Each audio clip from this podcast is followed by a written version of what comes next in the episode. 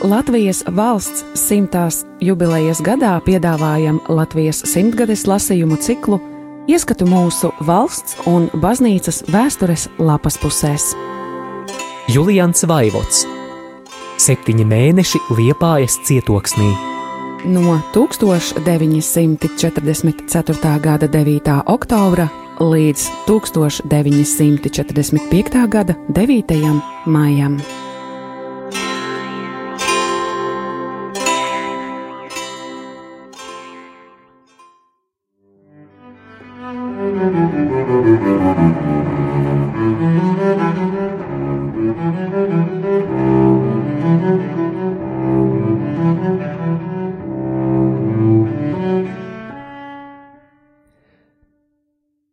1945. gada 8. aprīlī.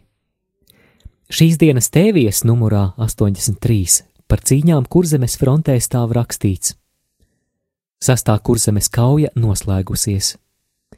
Liepājā 7. aprīlī. No militārās puses mūs informē 1945. gada 3. aprīlī, pēc 16 dienu ilgām cīņām noslēgusies sestā kurzemes kauja ienaidnieks atkal nav sasniedzis savu mērķi - saskaldīt kurzemes fronti un ietriekties kurzemes telpas dziļumā. Smagās, neizdevīgos apstākļos izcīnītās kaujās mūsu pārbaudītās divīzijas arvien no jauna ienaidnieku uztvērušas un noturējušas frontes kopsakarību. 12. martā bolševiki pēc desmit dienu ilgiem veltīgiem uzbrukumiem bija spiesti savu lieluzbrukumu saldus telpā pārtraukt. Visi padomju mēģinājumi ar 15 strēlnieku divīzijām un vairākām tanku daļām pāraut mūsu fronti bija pēc lieliem zaudējumiem izjukuši. Pēc tam sekojošais cīņu pārtraukums tomēr bija tikai īslaicīgs. 17. marta pēcpusdienas stundās ienaidnieks dienvidrietumos no Saldus no jauna uzsāka lielu uzbrukumu ar aviācijas atbalstītām vienībām, tai pašā laikā mēģinot ielauzt mūsu fronti arī no austrumiem. Bija sākusies sestā kurzemes kauja. Padaļai svaigie spēki, kurus ienaidnieks svieda kaujās, to starpā daudzi soda bataljoni, jau pirmajās divās dienās cieta ievērojamas zaudējumus. 48 stundu laikā bojā gāja 92 padomju tanki. Ienaidnieks, kas uzbruka netaupot munīciju, arvien no jauna noasiņoja mūsu aizsprosta pozīciju priekšā, kuras turēja vācu un latviešu grenadieri, sīksti aizstāvot savus komandpunktus. Vairākas ienaidnieka grupas, kas bija izvirzījušās dienvidrietumos no saldus, atgrieza no viņu aizmugures sakariem, koncentriskos uzbrukumos saspieda un niknās meža cīņās iznīcināja.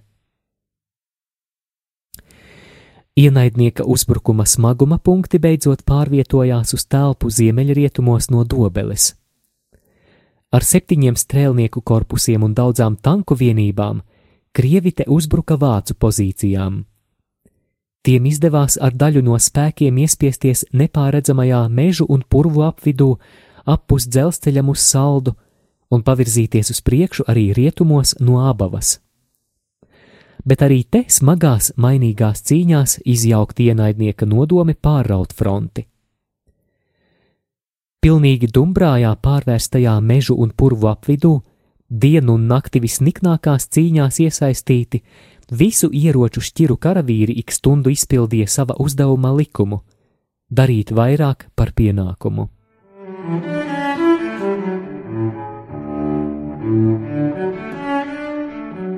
Nemirkli vācu vadība neļāva ienaidniekam pārņemt rīcības brīvumu, arvien no jauna izjauca ienaidnieka plānus un iebrukumu vietās raidīja visus rīcībā esošos spēkus, lai atsviestu pretinieku pārsteidzošos pretuzbrukumos. Bieži vien ar saujiņu kopā sasauktu vīru no štābiem un trosiem, pašiem uz savu galvu rīkojoties, komandieriem pašaizliedzīgā apņēmībā izdevās noturēt svarīgus atbalsta punktus pret ienaidnieka uzbrukumiem un tā novērst draudīgo bolševiku izlaušanos cauri frontei. Ar no jauna pievestiem, svaigi cīņās raidītiem spēkiem ienaidnieks nespēja panākt izšķiršanos. Pēc smagām cīņām, kas turpinājās arī lieldienu dienās, bolševiki bija spiesti līdz turpmākam no ofensīvas turpināšanas atteikties. Arī tagad noslēgtajā sestajā kurzemes kaujā ienaidnieks cietis ievērojamas cilvēku un materiālu zaudējumus, kam nav nekāda samēra ar gūto apvidu. Padomju zaudējumi kritušos un ievainotos pēc uzmanīga vērtējuma sasniedz ap 74 tūkstoši vīru, to skaitā vismaz 21 tūkstotis kritis. Gūstekņu skaits ir 533, iegūti vai iznīcināti 263 tanki, 185 lielgabali, 29 granātu metēji, 349 ložmetēji, kā arī daudzi rokas ieroči. Bez tam sastajā kurzemes kaujas laikā nogāztas 27 ienaidnieka lidmašīnas. Thank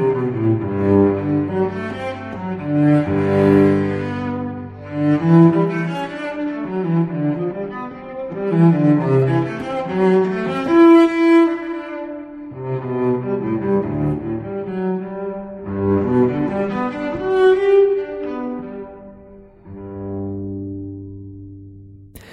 1945. gada 9. aprīlī.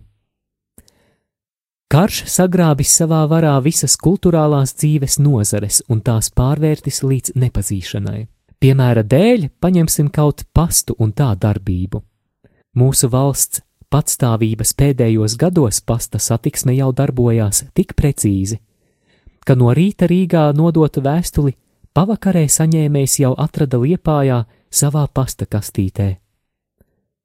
Par telegrāfa precīzo darbību te būtu pat lieki runāt. Vācieši visā pasaulē bija pazīstami ar savu darba akurātību, tāpēc jādomā par viņu pasta darbību miera laikā varētu runāt ar vēl lielāku atzinību. Karš vācu pasta resoram ir uzstādījis milzu prasības, un apbrīnošanas cienīga ir šī resora darbība, ņemot vērā milzīgo pārsūtāmo vēstuļu, paku un drukas darbu daudzumu kara laikā uz visiem Eiropas un pat Āfrikas apgabaliem. Tomēr pēdējā laikā transporta grūtības vācu pasta darbību nobremzējušas līdz nepazīšanai. Vakar, piemēram, saņēmu vēstuli no Bavārijas, kuru bīskaps Rancāns izsūtījis pagājušā gada 8. decembrī. Kur un kādus ceļus vēstule ir staigājusi veselus četrus mēnešus? Šodien saņēmu no Vidusvācijas vēstuli, datētu ar pasta zīmogu no 30. janvāra. Kāds vācu armijas mācītājs stāstīja, ka viņš telegrammu par sava tēva nāvi Vācijā saņēmis Liepājā pēc 32 dienām. Vēstulē ar to pašu ziņu tomēr esot pienākusi četras dienas agrāk par telegrammu. No vēstules dabūju zināt, ka viņa māte, kas dzīvojusi citā Vācijas pilsētā, par vīra, respektīvi stāstītāja tēva nāvi ziņu saņēmusi tikai pēc trijām nedēļām, kad mirušais jau sen bijis apglabāts. Lai gan atstatums no mātes dzīves vietas līdz pilsētai, kur tēvs ilgāku laiku gulējis slimnīcā, nemaz tik liels nav bijis. No minētiem piemēriem var spriest, cik apgrūtināta tagad ir pasta darbība. Bet no otras puses, Arī apbrīnojama ir vāciešu nopietnība, ar kādu tie pieiet katram uzdevumam, ja četrus mēnešus vēstule var palikt ceļā un tomēr netiek kā novecojusi kaut kur nosviesta, bet meklē adresātu un beigās to arī atrod. Vēl lielāku pārsteigumu man sagādāja cita vēstule, ko šodien saņēmu. Izrādās, ka neskatoties uz pašreizējo situāciju, starp Vāciju un Zviedriju vēl pastāv pasta satiksme jo saņēmu pastkarti no viena mācītāja, kas pagājušā gada rudenī ir emigrējis uz Zviedriju. Tā ir skatu karte, kādas pie mums tagad pasta satiksmē noliektas, ar zviedru pastmarkām 20 eiro vērtībā un ar visām vācu cenzūras atzīmēm. Kartīte rakstīta 13. janvārī, un rakstītājs grib dabūt zināt sava brāļa adresi, kurš emigrējis uz Vāciju. Par sevi viņš raksta: Ich lebe wie immer gut, sogar sehr gut. Es dzīvoju labi, pat ļoti labi. Kāds tur brīnums, ka pat ļoti labi dzīvojas tanī zemē, kura gandrīz simt gadu nav redzējusi karu. Pretējais apgalvojums patiesībā būtu lielāks brīnums.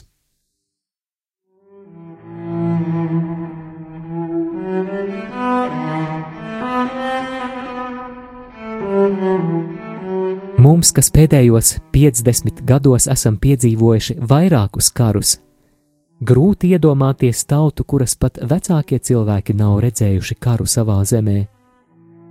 Viņiem grūti iedomāties kara apstākļus, kādos citām tautām jau gadiem ilgi jādzīvo, kā pie mums bērniem grūti iedomāties miera laika dzīvi. Kara laikā tie dzimuši un kara apstākļos aug. Tāpēc nav brīnums, ka kāds bērns savā naivitātē mātei uzstādīs šādu jautājumu: Māmiņa, par ko par radio ziņoja un avīzēs rakstīja miera laikā?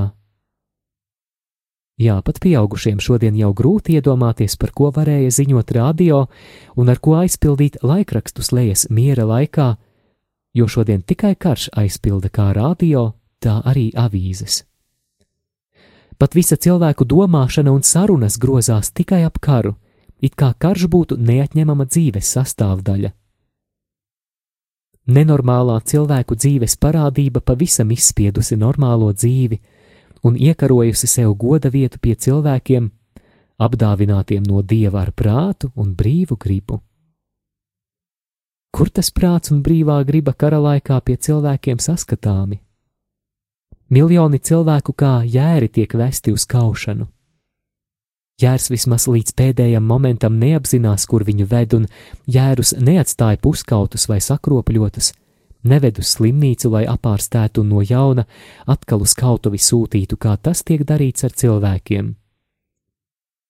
Patiesībā arī jēru kaušana atstāja nospiedošu iespaidu. Atceros no zēna gadiem, kad rudeņos sākās jēru kaušana. Tādās reizēs pat sapnī rādījās šausmīgas scēnas. Kad jērs jau bija nolikts uz kaujamā beņķa un tēvs pārmetis krustu, ņēma tuteni rokā, mēs zēni no uztraukuma vai sastingām. Šausmīgi bija turētais kājām vēl spirinošos jēru, kam nogriezta galva, vai turēt pie asiņojoša kakla trauku priekš asinīm. Vēl lielākas bailes iedvesa vaļējās jēra acis pie zemes noliektā galvā. Atmiņas par šīm acīm daudz gadus vēlāk medībās nevienu reizi vien man lika nolaist uz leju bises stobra galu, kas jau bija notēmēts uz skrejošu stirnu.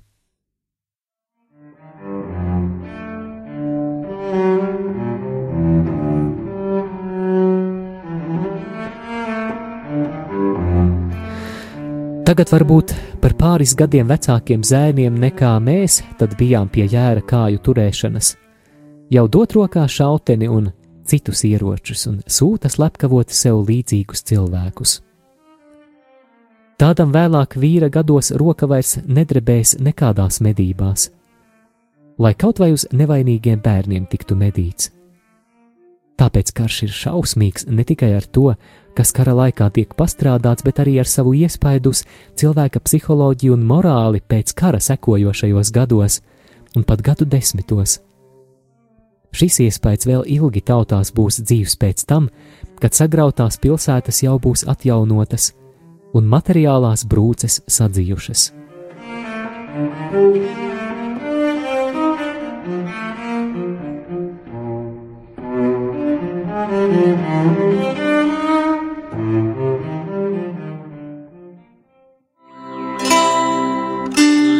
Radio Marija Latvija ēterā Latvijas simtgadēji veltīti lasījumi. Julians Vaivots Septiņi mēneši Liepājas cietoksnī. No 1944. gada 9. oktobra līdz 1945. gada 9. maijam.